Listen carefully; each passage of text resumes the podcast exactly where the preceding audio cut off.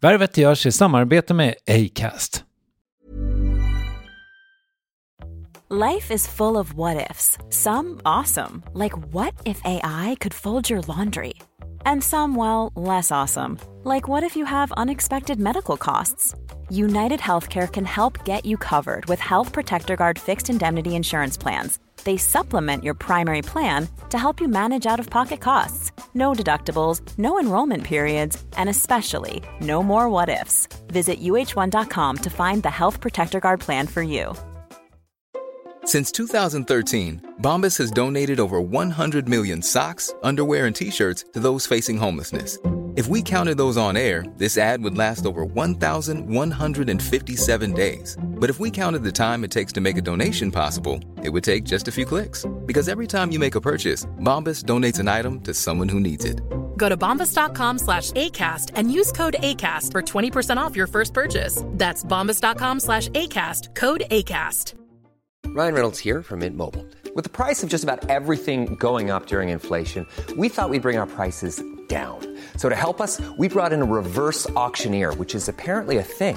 Mint Mobile unlimited premium wireless. Ready to get 30, 30, bit to get 30, bit to get 20, 20, 20, bit to get 20, 20, bit to get 15, 15, 15, 15 just 15 bucks a month. So, Give it a try at mintmobile.com slash switch. $45 upfront for three months plus taxes and fees. Promo rate for new customers for limited time. Unlimited more than 40 gigabytes per month. Slows. Full terms at mintmobile.com. Värvet presenteras i samarbete med Nasonex, utomhusmöjliggöraren, som de inte kallar sig av någon märklig anledning. Men det är i alla fall Sveriges mest köpta antiinflammatoriska nässpray mot allergisk snuva. Och nu kommer ett litet test, så fram med papper och penna du som lyssnar, nu kör vi. Fråga 1. Vill du vara ute mer i naturen? Fråga 2. Sitter du framför en skärm lite för mycket? Fråga 3. Är du allergisk? Om du har svarat ja på någon av frågorna så tycker jag att du ska bege dig till beanoutsider.se. Jag vill för övrigt poängtera att Nasonex nässpray är ett receptfritt läkemedel från 18 år för behandling av symptom vid säsongsbunden och perenn allergisk snuva. Rådfråga läkare om du är eller tror dig vara gravid eller ammar eller om du planerar att skaffa barn, har en obehandlad infektion i näsan, nyligen har genomgått en näsoperation eller har en skada i näsan. Får ingen effekt inom 14 dagar eller om du redan använder läkemedel med kortison ska du kontakta läkare. Använd ej mer än tre månader utan läkarkontakt. Stort tack Nasonex och beanoutsider.se. Det här är Kristoffer. Du står i begrepp att lyssna på den korta versionen av intervjun. Vill du ha den långa? Återvänd till poddappen.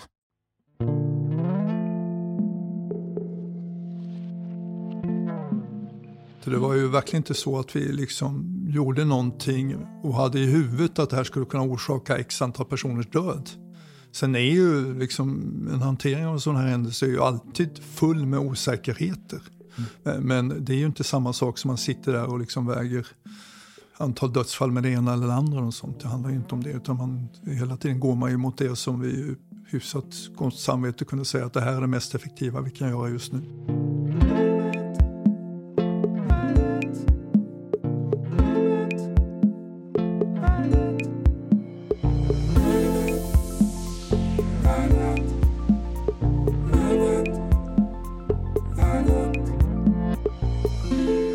Själv beskrev han sig nog inte som en doldis före coronapandemin, men hur som helst, våren 2020 blev Folkhälsomyndighetens Anders Tegnell något Sverige ibland sägs sakna. En landsfader.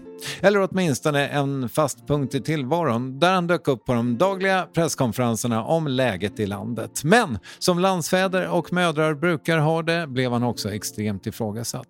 Nu har han samlat sina tankar om coronastrategin men också livet innan dess i en bok, Tankar efter en pandemi och pallrat sig till Värvets högkvarter i Gamla stan. Här är Värvet 608 med före detta statsepidemiologen Anders Tegnell.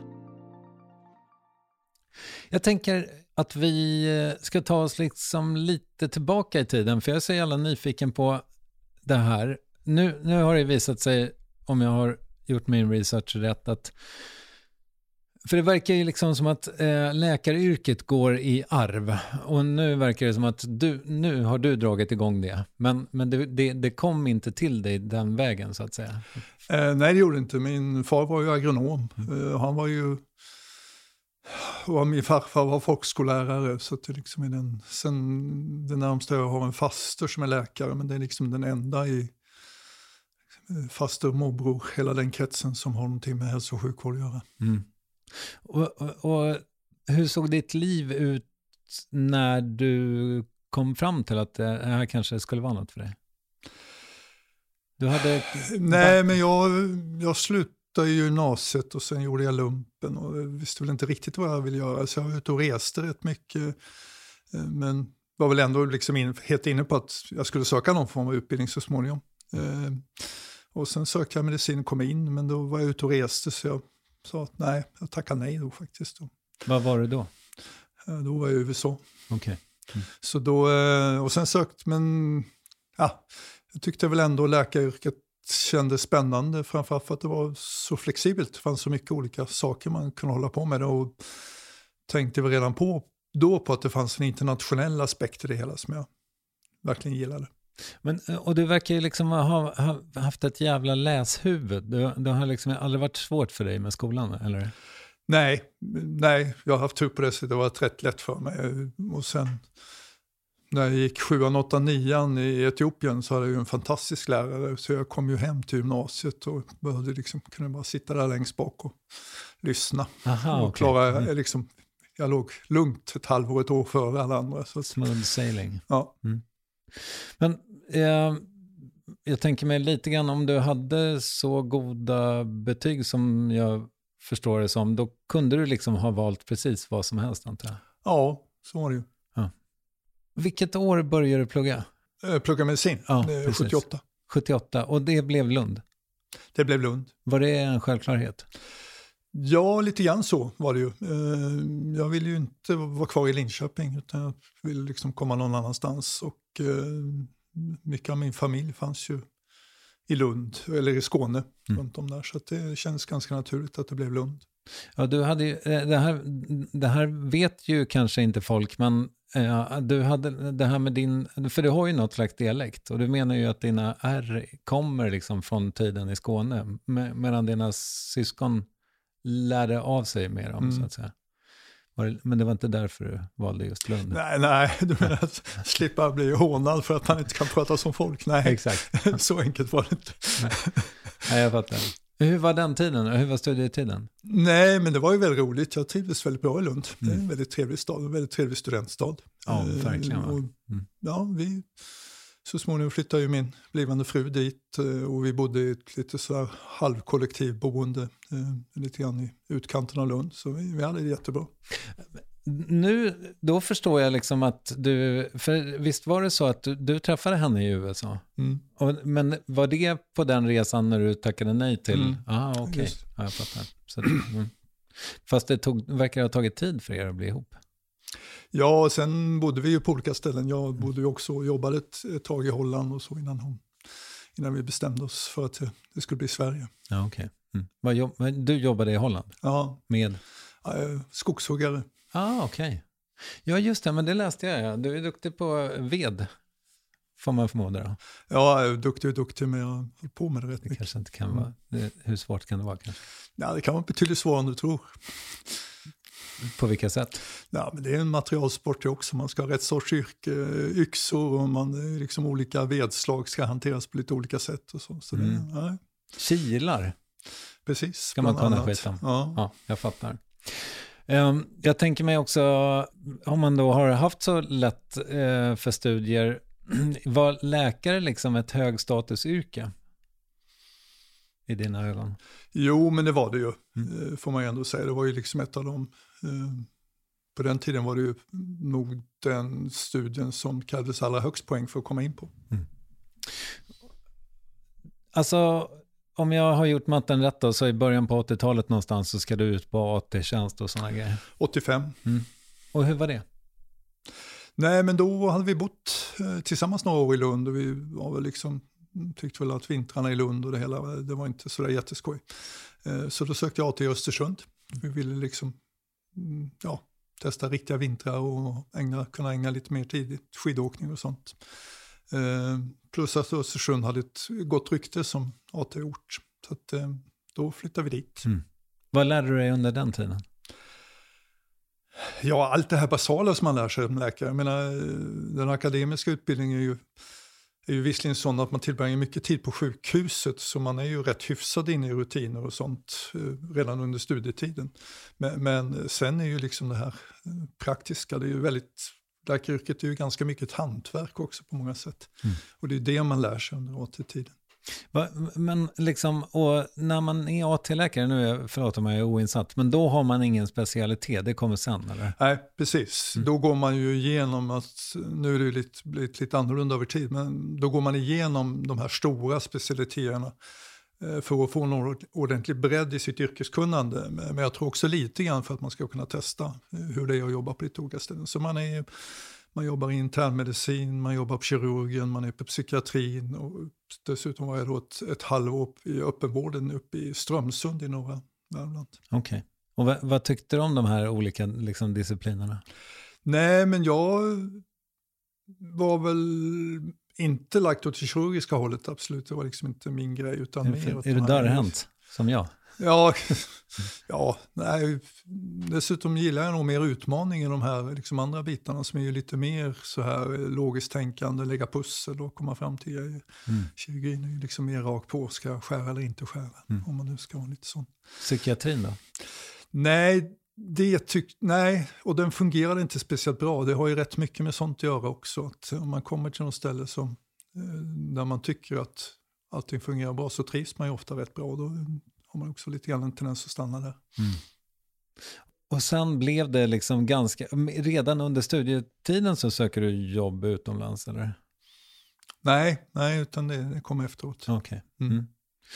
Alltså, berätta lite om den resan då, från AT-tjänst till att uh, hamna i Laos. Ja, sen hade vi bott några år på Östersund och vi kände väl att det var lite långt bort därifrån släkt och vänner och sånt. Så mm. vi ville väl neråt landet till. Eh, och då hade jag jobbat ett halvår i Kalmar på infektion och liksom bara tyckte att det var någon specialitet som skulle passa mig. Eh, så jag ville liksom fortsätta med det. Eh, och då slumpmässigt så skulle mina föräldrar flytta utomlands och frågade om inte vi ville ta hand om huset under den tiden de var borta. Och då ringde jag till infektion i Linköping och sa ja, men du, du är hjärtligt välkommen hit. Mm. Så så blev det. Så då hamnade vi i Linköping. Och där fick jag så småningom en sån här tjänst och blev, skulle, alltså en utbildningstjänst i infektion. Mm. Eh, samtidigt så hade ju liksom både jag och min fru hade ju en, en bakgrund att vi hade bott utomlands, vi var väldigt intresserade av det. Så vi hade ju hela tiden liksom gått och funderat på, ska vi inte försöka få ett sånt, eller jag då i första hand, som det var enklast med min bakgrund, eh, försöka få ett sånt jobb så vi kan eh, jobba utomlands ett tag. Mm. Eh, och då sökte jag en sån här typ av tjänst på sidan. Eh, då när vi varit i Linköping några år. Eh, och fick den. Eh, och då blev det Laos. För hon är psykolog? Nej, min fru är arbetsterapeut okay. från mm. början. Mm. Mm.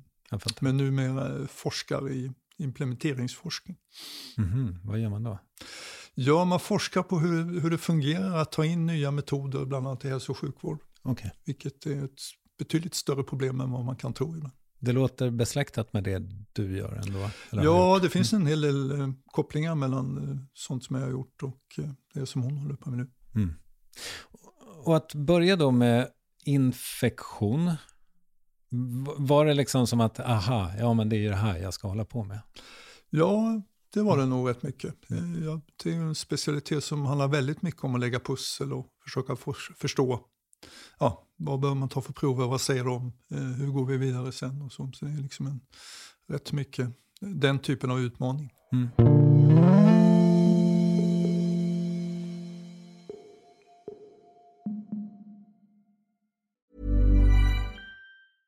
This is Paige, the co-host of Giggly Squad, and I want to tell you about a company that I've been loving, Olive and June. Olive and June gives you everything that you need for a salon quality manicure in one box. And if you break it down, it really comes out to $2 a manicure, which is absolutely insane. It's also so easy to get salon worthy nails at home with Olive and June. The difference between how your nails used to look when you did them yourself and now with the Manny system is a complete game changer. The best thing about Olive and June too is it's a quick dry, dries in about one minute, lasts for five days, and full coverage in up to one to two coats. Visit oliveandjune.com slash perfectmanny20 for 20% off your first system. That's oliveandjune.com slash perfectmanny20 for 20% off your first system.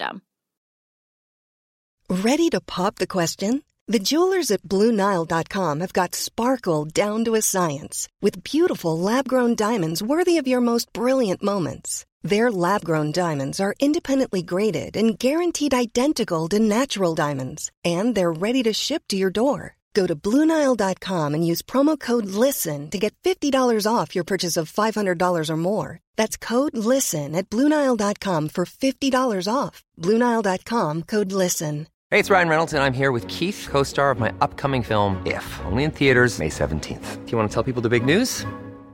All right, I'll do. Sign up now and you'll get unlimited for $15 a month and six months of Paramount Plus Essential Plan on us. Mintmobile.com slash switch. Upfront payment of $45 equivalent to $15 per month. Unlimited over 40 gigabytes per month. Face lower speeds. Videos at 480p. Active Mint customers by 531.24 get six months of Paramount Plus Essential Plan. Auto renews after six months. Offer ends May 31st, 2024. Separate Paramount Plus registration required. Terms and conditions apply if rated PG. Yes, ny sponsor. Värvet presenteras i samarbete med Svea Bank. Och jag menar inte att ta ner stämningen, men dessvärre är ju lågkonjunkturen här, vilket innebär att de flesta branscher har det tufft och också väldigt många privatpersoner. Jag vet själv vad det är att ha en trasslig privatekonomi. Det var struligt i många år för mig och låg ofta post i hallen med trista logotyper i ena hörnet och jag hade också i flera års tid ett helt gäng betalningsanmärkningar.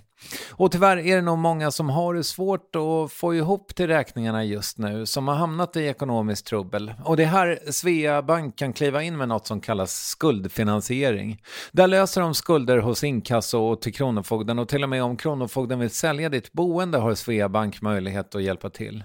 I den här tjänsten får du en personlig handläggare som gör en grundlig genomgång av din ekonomiska situation, de tar kontakt med dina kreditgivare och när ett lån beviljats löser de dina skulder skulder åt dig och samla dem i ett enda lån med en avbetalningsplan som din ekonomi klarar av. För om du har hamnat i klister, du är inte ensam och kanske kan det här hjälpa dig. På svea.com skuldfinans kan du läsa mer. Tack Sveabank!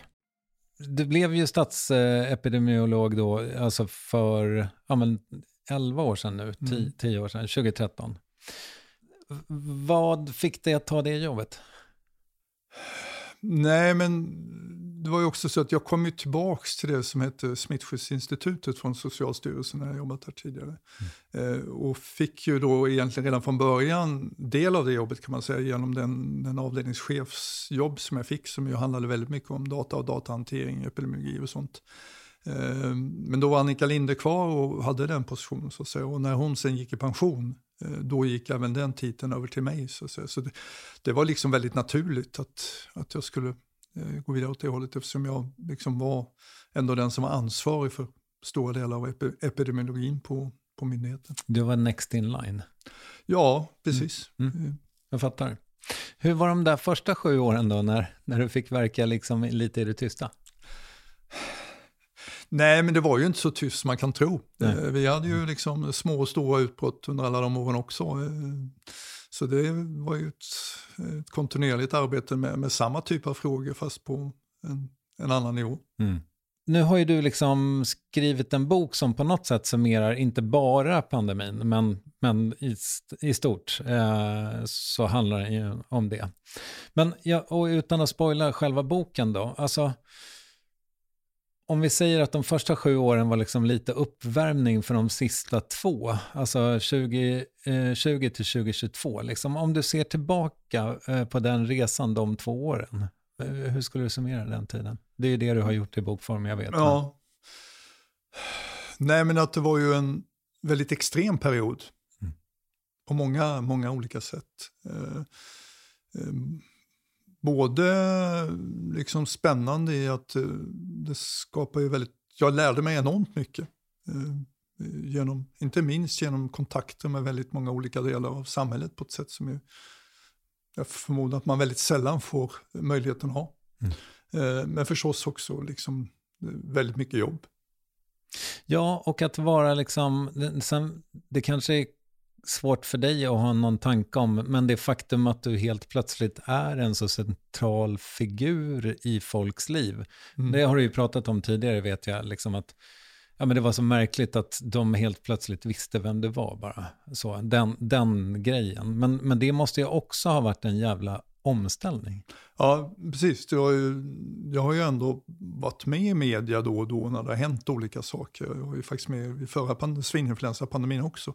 Mm. Och, och större och mindre händelser sedan dess. Men det här var ju första gången det blev så personligt. Vilket ju var jättekonstigt och jag kan fortfarande inte helt och hållet förstå varför. Mm. Även om man nu pratar om lägereld och behovet av någon trygg person och allt det där. Men, men att det skulle drabba just mig. Mm. Ja. Du har fått den här frågan en miljard gånger förstår jag. Men den absolut första tiden, den här våren, liksom, när det ska komma en massa folk från eh, italienska alperna och så vidare. Hur minns du den första tiden där? Nej, men att det var ett, liksom växte ju fram. Mm. Fanny och jag pratade rätt mycket om det, liksom det här med brytpunkter. Och det fanns ju ingen riktig brytpunkt, utan det här byggdes ju upp liksom dag från dag. Mm. Så när jag tänkte tillbaka på det efteråt så, när ändrar vi någonting eller när kom vi på någonting? Nej, det finns inte riktigt någonting sånt, utan det, det, det, liksom, det gick så stegvis hela tiden. Mm. Eh, så det var, jag tror ju, hade man frågat varje enskilt tillfälle så hade man nog haft svårt att säga att kommer det verkligen bli ännu värre? Så att säga. Det hade man nog kanske inte riktigt kunnat acceptera då i det läget. Kände du, liksom, eller ni då, eller du som chef, kände du att ni var, låg ni liksom i täten hela tiden med information? Eller halkade ni efter någonting? Nej, jag tycker nog att vi låg i täten. Mm. Uh, och det berodde mycket på att vi var ju de första som fick informationen. Vi var ju den som fick in den. Och jag tror också vi tvingades ligga i täten på grund av de här presskonferenserna. För det gjorde vi ju att vi liksom i princip varenda dag satte oss ner tillsammans, en, en ganska stor grupp av myndigheter och gick igenom, okej, okay, vad har kommit in idag? Mm. Och gjorde den analysen hela tiden. Mm. Eh, det gör vi ju inte jätteofta annars. Nej, men jag, jag bara, eh, för när jag eh, tänkte tillbaka på den här första tiden så funderade jag liksom på, och det där är såklart kanske omöjligt att veta, men, men vissa grejer så här som, som jag tänker på med dig just så här, eh, alltså det är envisheten liksom kring att det var en droppsmitta till exempel. När förstod du att det var ett, när, du hade, när förstod du att du hade fel om det? Nej, men jag hade inte fel. Okej. Okay.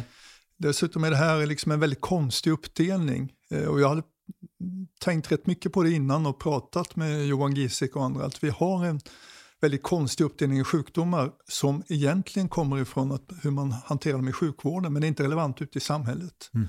Utan det viktiga är inte om det är droppar eller om det är luft eller vad det är, utan det, det viktiga är var smittas man någonstans, alltså okay. rent fysiskt. Det är det som, för det är där man sätter in åtgärderna. Mm. Eh, och när man då vet att de flesta smittas på arbetsplatsen, då försöker man få bort folk från arbetsplatsen. Och det är liksom egentligen inte intressant om det är liksom händerna eller luften eller dropparna eller som smittar. Det är, inte, det är inte det man behöver veta när man ska liksom designa bra åtgärder. Nej, jag fattar. Men däremot är det ju jätteviktigt i sjukvården där man har liksom andra skyddsbarriärer och sånt att jobba med. Mm. Jo, men liksom om man hade... Mm, ja, nu, nu får ju du, jag är blott en simpel poddare och lekman, men jag bara tänker att om man tidigare hade förstått att det, hade, att det var luftburet så att säga, då kanske, man, då kanske du inte heller hade haft en så styvnackad inställning till munskydd. Nej, men det har inte med det att göra. Utan okay. Det är ju fortfarande så att munskydden, eh, liksom i de studier som finns, inte har visat sig ha någon jätteeffekt och ibland ingen effekt alls. Eh, och de var ju väldigt problematiska på många olika sätt. Så det, det, hade inte heller med det att göra, utan återigen så är det ju inte liksom det är inte den här indelningen som är liksom en sjukvårdsindelning och, och intressant där. Det är inte den som är viktig utan det viktiga är ju vilka åtgärder som möjligen kan ha effekt eller som inte kan ha effekt. Och vad kan man göra för att få ner smittspridningen på ett eh, smart och bra sätt. Och, och då är den här uppdelningen ganska ointressant i de flesta fall. Men, men när det gällde munskydden då, ändå, även om, liksom, om nu hela världen jobbar med det och inte Sverige, det kan ju vara coolt förvisso, men skulle man inte kunna ta det säkra för det osäkra med det? Ja, men det handlar ju återigen om, man måste ju försöka göra någon slags analys om vad, vad kommer det att leda till så att säga. Eh, och då var det ju så att liksom, de är jättebra i hälso och sjukvården, fantastiskt. Jag har ju gått runt med munskydd mycket själv. Mm. Men det gör ju också att jag förstår att det här med munskydd är inte lätt. Eh, de ska bytas varannan var tredje timme, man får inte röra vid dem. När man tar av sig dem så måste man veta exakt vad man gör. måste finnas någonstans att slänga dem på ett rimligt sätt. Mm. Eh, dessutom om man räknar lite på det, om man ska 10 miljoner människor, 3, 4, 5, 3, 4, 5 munskydd om dagen. Man hamnar i någon slags miljardklassen på munskydd vi behöver varje månad. Så det finns ju många sådana aspekter. Plus det faktum att vi ju var rätt övertygade om att vi uppnådde samma effekter genom att säga att ni ska inte vara på jobbet. Ni ska inte gå ut om ni är sjuka. Mm. Ni ska hålla avstånd. För det är egentligen i grunden väldigt mycket mer effektiva åtgärder. Mm. För de här munskydden som man nu liksom tyckte att man skulle använda ute i samhället, de är egentligen inte täta nog att skydda dig mot virus. Okay. Mm. Utan virus går igenom dem, för virus är mycket mindre än de hålen. Utan det är ju de här munskydden som man använder i vården som är mycket tätare, som, som kan ge ett skydd mot en virussjukdom. Ja, jag fattar. Ja, men jag läste någonstans, eh, dina kollegor i typ Kanada eller vad det nu var, hade uppgivit att det ändå eh, kunde hindra någonstans mellan 50 och 80 procent av liksom coronaspridningen. Men... Nej, men det jag vet inte hur de har räknat då. Den enda som jag tycker är riktigt bra studien som gjorde i Bangladesh. Eh, och då slumpar man munskydd till en by och i en annan by hade man inte munskydd. Mm. Eh, och då fick man en, eh, runt 10 procent i skillnad. Okay. Men till munskyddens fördel. Men då hade man mm. också mm. gått ut till de här byarna som fick munskydd och gett dem massvis med råd om att hålla avstånd och massa annat också. Mm. Så man hade ju återigen gjort det som man gjorde väldigt ofta, att man gjorde väldigt många olika saker samtidigt. Mm. Vilket gjorde det väldigt svårt att förstå vad det egentligen som hade effekt. Dessutom var det ju mm. så, om du tittar på de länderna som hade krav på munskydd, som Spanien och Storbritannien och sånt, så, så var det ju inte så att de klarade sig bättre där än vad vi gjorde i Sverige. Mm. Uh, jo, men en sak som sådär ganska ofta återkom och jag tänker att det fanns liksom demonstranter kring det också. Människor som tyckte liksom att du, eller det blev ju du som blev symbolen, även om det var uh, myndigheten, men att ni liksom gamblade med folks liv. Låg det någonting i den kritiken, tänker du? Nej, nej, det gjorde ju inte. Det var ju verkligen inte så att vi liksom gjorde någonting och hade i huvudet att det här skulle kunna orsaka x antal personers död. Absolut inte. Mm. Sen är ju liksom en hantering av sån här händelse är ju alltid full med osäkerheter. Mm. Eh, och man vet ju aldrig riktigt säkert vad som fungerar eller vad som inte fungerar. Nej. Eh, så är det ju. Mm. Eh, men det är ju inte samma sak som man sitter där och liksom väger antal dödsfall med det ena eller det andra. Och sånt. Det handlar ju inte om det, utan man, hela tiden går man ju mot det som vi med hyfsat gott samvete kunde säga att det här är det mest effektiva vi kan göra just nu. Mm. Men det här med flockimmuniteten då, för det, det, det, är väl någonstans där jag kan tänka mig att man får de tankarna ändå. Det pratades väldigt mycket om flockimmunitet och, och rätt så sent också tänker jag mig att du pratade ändå om att eh, flockimmunitet skulle inträffa innan vaccinet var på plats till mm. exempel. Nej, men det, det var väl en, ett ställe där vi misslyckades i vår kommunikation, eh, tror jag, eh, framförallt. För det handlar ju aldrig om att det här var ett, ett mål på något som helst sätt. Däremot är det ju en aspekt på en smittspridning som är väldigt viktigt att hålla koll på. För att den hur stor immunitet man har i befolkningen har ju väldigt stor betydelse för hur snabbt smittan sprids. Och det är ju självklart att om den ökar väldigt fort och att man då kan förutse att smittan kommer att minska ganska snabbt väldigt snart, då kan man ju liksom ställa in åtgärden efter det på ett annat sätt än om man vet att det är fortfarande väldigt få som är smittade och det kommer att, liksom, kommer att se ut så här under en lång tid framåt. Ehm, och därför så måste, behöver man ju liksom ha det med sig i sitt tänk. Så att säga. Men det kan ju absolut aldrig vara ett mål att man vill att folk ska bli sjuka så fort som möjligt. För det kan ju ha extrema konsekvenser, det insåg vi ju alla. Mm. Så det handlar ju inte om det. Eh, och sen var det ju så att vi, vi överskattade, jag och flera med mig, överskattade hur snabb smittan var i början. Eh, vi trodde ju att den var väldigt mycket snabbare än vad den var. Mm. Eh, och det var inte förrän vi kunde göra de här studierna och gå ut i befolkningen och kolla som vi upptäckte att nej, det har inte alls gått så snabbt som vi har trott. Eh, och så snabbt som vi då bedömde att den skulle kunna göra baserat på vad vi visste med liknande sjukdomar tidigare. och så där. Utan mm. det här, speciellt det virus som fanns i första vågen, var inte alls så smittsamt som eh, många experter satte siffror på, utan det var betydligt mindre smittsamt. Mm. Jag ska snart, eh, det passar inte mig särskilt väl att vara så kritisk journalist och jag ska snart släppa den rollen. Men, men det var någonting med liksom, eh, en mejlkonversation mellan dig och Finlands, din kollega i Finland, där det var liksom, min tolkning är att du säger typ så här, ja fast om 10% blir sjuka, kanske till och med avlider, det kan vara en, alltså en, en bra trade-off. Eller eh, kan du reda ut det där för mig? Nej, men det var ju inte det. Jag menar, dels var det ju liksom en mening tagen ur en lång konversation mellan oss. Där vi ju hade den här diskussionen om vad, vad kommer en flockimmunitet att innebära och hur snabbt kan den inträda. Mm, okay. så, så, det var ju inte, inte mer än så. Det var ju aldrig någon gamble med folks liv. Alltså. Okay. Mm. Jag fattar. Mm. Du, eh, eh, förutom att eh, ta ett tåg senare i eftermiddag, vad har du att se fram emot? Jag har ett antal olika projekt på gång. Eh, det är både ett stort EU-projekt för att stötta folkhälsomyndigheter i Afrika. Eh, några mindre projekt direkt med lite olika afrikanska länder. Eh, ja, lite samarbete med Chalmers och andra om matematiska modelleringar vid framtida pandemier och sånt. Så ja, jag har mitt lilla smörgåsbord med olika saker att göra. Mm. Tänker du att du har gjort världen till en bättre plats i, i ditt yrke? Nej, nej, lite svårt för den typen av ambitioner och sånt. Vi är, vi är alla små kuggar i någon slags maskineri. Och vad vi gör och vilken effekt det får har ju väldigt mycket kontexten betyder så extremt mycket. Det är väl liksom min grej nu för tiden. Att jag tror att vi ibland glömmer bort och tror att mycket saker är mycket mer isolerade än vad de egentligen är. Utan det är ju kontexten som är så extremt viktig för allt mellan om det blir en ny Tesla person eller om du blir en statsepidemiolog eller vad det är. Mm. Så det, du är en uh, teamplayer helt enkelt? Ja, ja, ja. Mm. Och, och framförallt så är jag väl ganska mycket inne på det där att man, man, man är där man är och försöker göra det bästa av den situationen. Man kan liksom inte ha ambitioner som går utanför de förutsättningar som finns. Ja, men jag tänker mig att när man blir läkare då har man väl ändå något slags ambition om att i alla fall, liksom kanske inte föra hela mänskligheten framåt, men att i alla fall påverka några liv längs resan. Jo, på individnivå, det, det gjorde jag ju säkert. Det, jag menar, det infektionssjukdomar är ju väldigt tydligt på det sättet. Man kommer in med en allvarlig lunginflammation och så får man några doser penicillin och så går man hem mm. frisk efter tre dagar. Det är ju liksom en, det är en fantastisk upplevelse att se det. Men eh, tvärtom, har du tagit livet av någon? Nej, nej det är inte, infektion är ju inte heller riktigt på det viset. Det är, ju, mm. vi har ju, det är inte ofta man dör på en infektionsklinik, det är det faktiskt inte. Nej. Skönt. Du, eh, nu ska du få gå, men innan dess så ska jag bara fråga, eh, tv-serien House, är det sånt, gick du igång på den när det begav sig?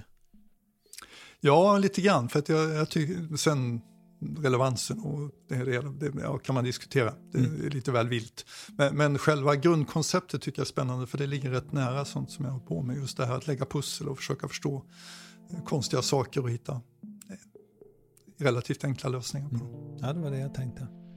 Stort tack för att du kom. Tack själv. Ha ett otroligt 2024. tack. Detsamma.